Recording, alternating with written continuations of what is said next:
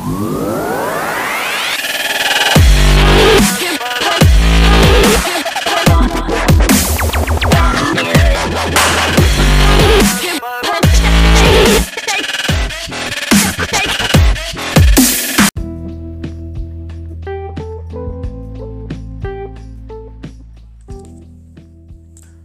semuanya, dengan Andros Martin di sini. Di podcast kali ini saya ingin sharing kepada teman-teman mengenai dalam sebuah perjalanan seorang pengusaha ada lima tahap yang mesti anda utarakan kepada calon prospek anda ataupun calon pembeli anda. Agar apa? Agar tujuannya mereka dapat membeli produk atau menerima peluang yang Anda utarakan atau yang Anda uh, ceritakan kepada mereka. Oke, langsung saja. Hal yang pertama yang perlu Anda utarakan kepada calon prospek Anda tentunya adalah mengenai peluang apa yang ingin Anda bagikan. Nah, di poin pertama ini tentunya ketika Anda ingin utarakan kepada mereka, tentunya peluang yang Anda ceritakan harus jelas terlebih dahulu seperti apa atau bagaimana atau ada kesempatan apa dengan peluang ini ya. Dan eh, apa potensi mereka gitu ya eh, apabila mereka menggrab eh, opportunity ini atau peluang ini. Nah jika itu sudah jelas barulah biasanya si calon Eh, market Anda atau prospek Anda mulai tertarik dengan apa yang Anda bicarakan gitu ya.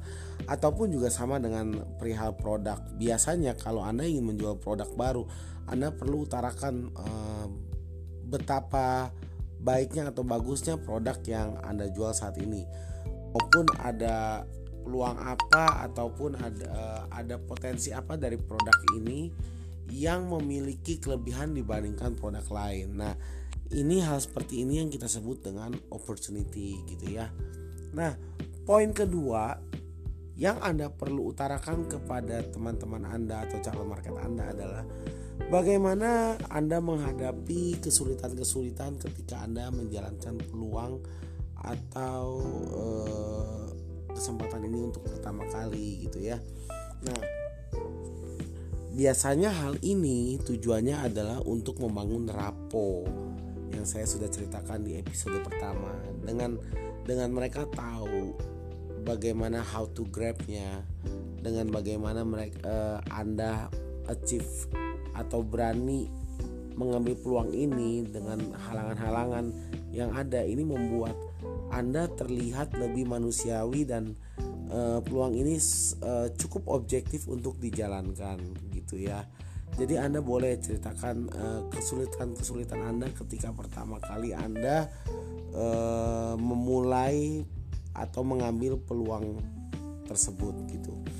Nah, hal ketiga yang perlu Anda perhatikan dan utarakan kepada calon uh, market Anda yaitu adalah bagaimana hasilnya ketika Anda jalankan atau Anda meng mengambil peluang tersebut ya. Sehingga apa? Dari peluang yang anda ceritakan dan kesulitan yang anda uh, hadapi ya mereka juga tahu apa rewardnya dari peluang atau opportunity yang anda utarakan gitu ya.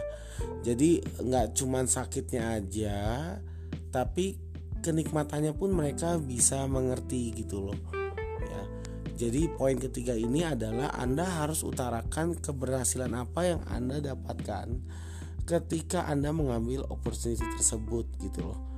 Ya, jadi eh, kalau kita ambil satu garis cerita dari cerita ini adalah orang memerlukan sebuah kondisi yang objektif bahwa peluang ini bisa diambil yaitu dengan melihat apa sih eh, punishmentnya dan apa sih rewardnya apa sih yang gak enaknya dan apa sih yang uh, kenikmatannya jika aku ikut ambil opportunity ini atau peluang ini dari dari anda ya yang menawarkan gitu loh. Nah jika itu sudah terbentuk ya tiga fase ini sudah terbentuk biasanya anda sudah bisa melihat mimik muka atau ibaratnya respon dari si calon prospek Anda ya bisa dilihat apakah dia tidak tertarik ya atau apakah dia tertarik. Nah, ada satu hal yang menarik yang saya ingin sharing kepada teman-teman. Sebenarnya gini, pada dasarnya adalah orang tidak ada yang tertarik. Ah, sorry, maaf. Orang tidak ada yang tidak tertarik ya. Pada umumnya orang tertarik pada sesuatu hal yang baru ya. Nah, yang sekarang yang menjadi pertanyaan adalah kenapa orang tidak tertarik dengan opportunity Anda? Ya. Karena punishment atau poin nomor dua itu Anda menjelaskan itu poinnya jauh lebih besar dibandingkan poin nomor tiga yaitu punishmentnya ya nah ini yang harus anda uh, manajemen ketika anda menceritakan proporsional kepada calon uh, proporsional cerita atau storytelling kepada calon market anda ya. Nah intinya kalau reward hasilnya lebih besar daripada punishment ya itu resultnya adalah orang pasti tertarik. Nah kenapa saya bisa bilang begitu? Ini sudah hukum ini sudah hukum alam gitu ya.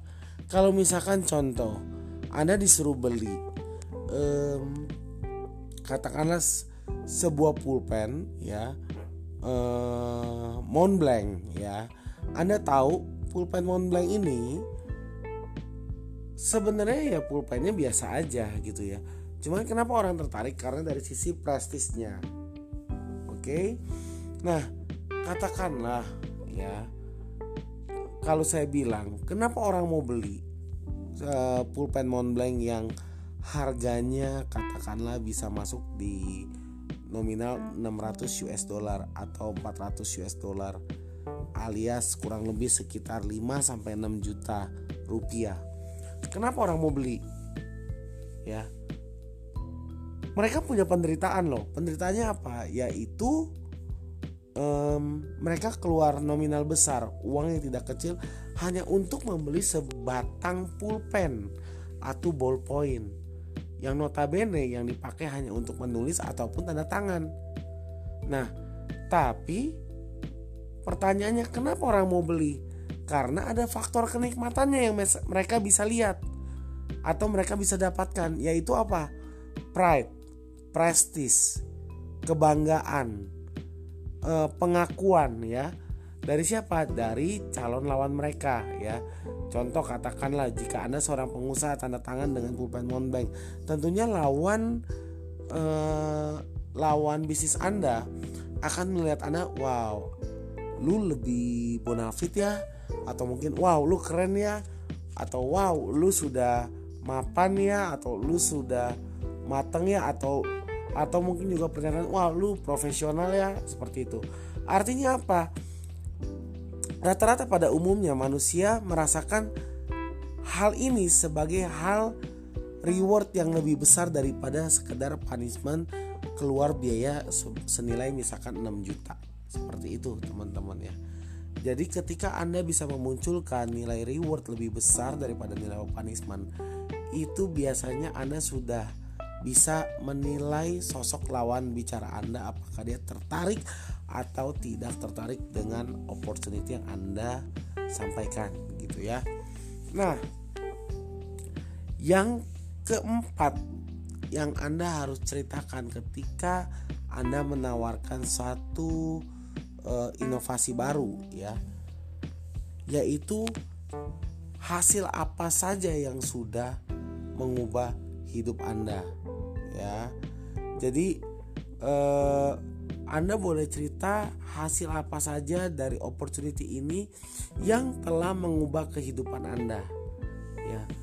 Dan uh, kenikmatan apa saja yang Anda sudah nikmati dan keuntungan apa saja yang Anda sudah dapatkan sehingga bisa merubah kehidupan Anda dan orang melihatnya Anda boleh catat ini orang melihatnya sebagai transformasi diri Anda dari zero to be something gitu ya to be someone gitu nah dengan begitu ini menguatkan satu cerita storytelling Anda lagi Oke, ya jadi misalkan wah dengan begini ya uh, saya bisa mengangkat derajat keluarga saya gitu ya. Terus kemudian yang tadinya saya misalkan tinggal ngontrak sekarang dengan saya terima opportunity ini saya sudah bisa beli rumah sendiri atau saya sudah bisa beli kendaraan roda 4 dan lain-lain. Nah, Anda bisa cerita transformasi diri Anda dari tidak ada apa-apa atau sampai ada apa-apa gitu ya. Nah, dengan begini ini menguatkan satu siklus cerita storytelling Anda ketika Anda menawarkan satu inovasi baru ke calon lawan prospek Anda. Nah, yang terakhir apa? Yang terakhir Anda harus bisa cerita impact Anda kepada orang lain. Ya. Jadi ketika Anda cerita seperti ini, benefit apa yang Anda hasilkan kepada orang lain yang sudah pernah mengikuti Anda gitu ya. Oke. Jadi contoh, ketika uh, saya menawarkan produk ini si A, si B, si C sudah merasakan manfaatnya yang tadinya misalkan kulitnya kusam menjadi putih atau misalkan tadinya uh, si A ini uh, pas-pasan sekarang sudah bisa jauh lebih makmur seperti itu. Nah, jadi dengan Anda bercerita 5 poin tadi itu dapat sangat-sangat memberikan sebuah storytelling yang sangat powerful kepada calon lawan Anda ya. Oke. Nah, kita review sedikit ya teman-teman ya dari 5 poin yang saya ceritakan tadi. Yang pertama adalah opportunity apa yang Anda mau sampaikan ke mereka. Anda harus uh, explain sejelas-jelasnya sehingga tidak memberikan miss uh, perception ya. Yang kedua adalah uh, langkah apa yang Anda lakukan ketika Anda pertama kali mengambil peluang tersebut dan kesulitan apa atau kita bilang tantangan apa yang Anda hadapi ketika menjalani peluang tersebut untuk pertama kali ya. Nah, yang ketiga Anda harus ceritakan adalah benefit apa yang akan calon market Anda dapatkan ketika dia me mengambil opportunity dari Anda ya.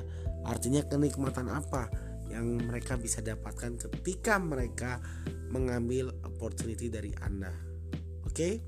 Yang keempat sebagai penguat storytelling Anda yaitu Anda harus bisa menceritakan perubahan ya saya tekankan perubahan atau transformasi diri Anda dari sebelumnya ketika sebelum mengambil opportunity ini ya hingga setelah Anda mengambil opportunity ini. Anda harus declare, Anda harus menyatakan gunanya apa buat menguatkan penawaran Anda. Dan yang keempat, yang kelima, maaf sorry.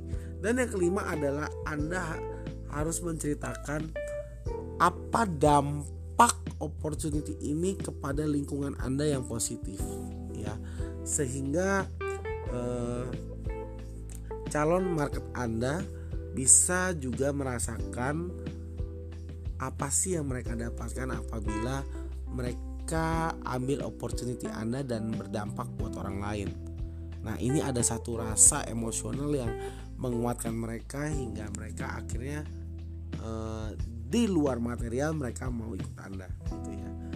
Oke, teman-teman, di podcast kali ini semoga 5 poin tersebut bisa Anda terapkan dan uh, memberikan impact untuk bisnis Anda ataupun penjualan Anda sehingga Anda juga memberikan impact buat lingkungan Anda ya.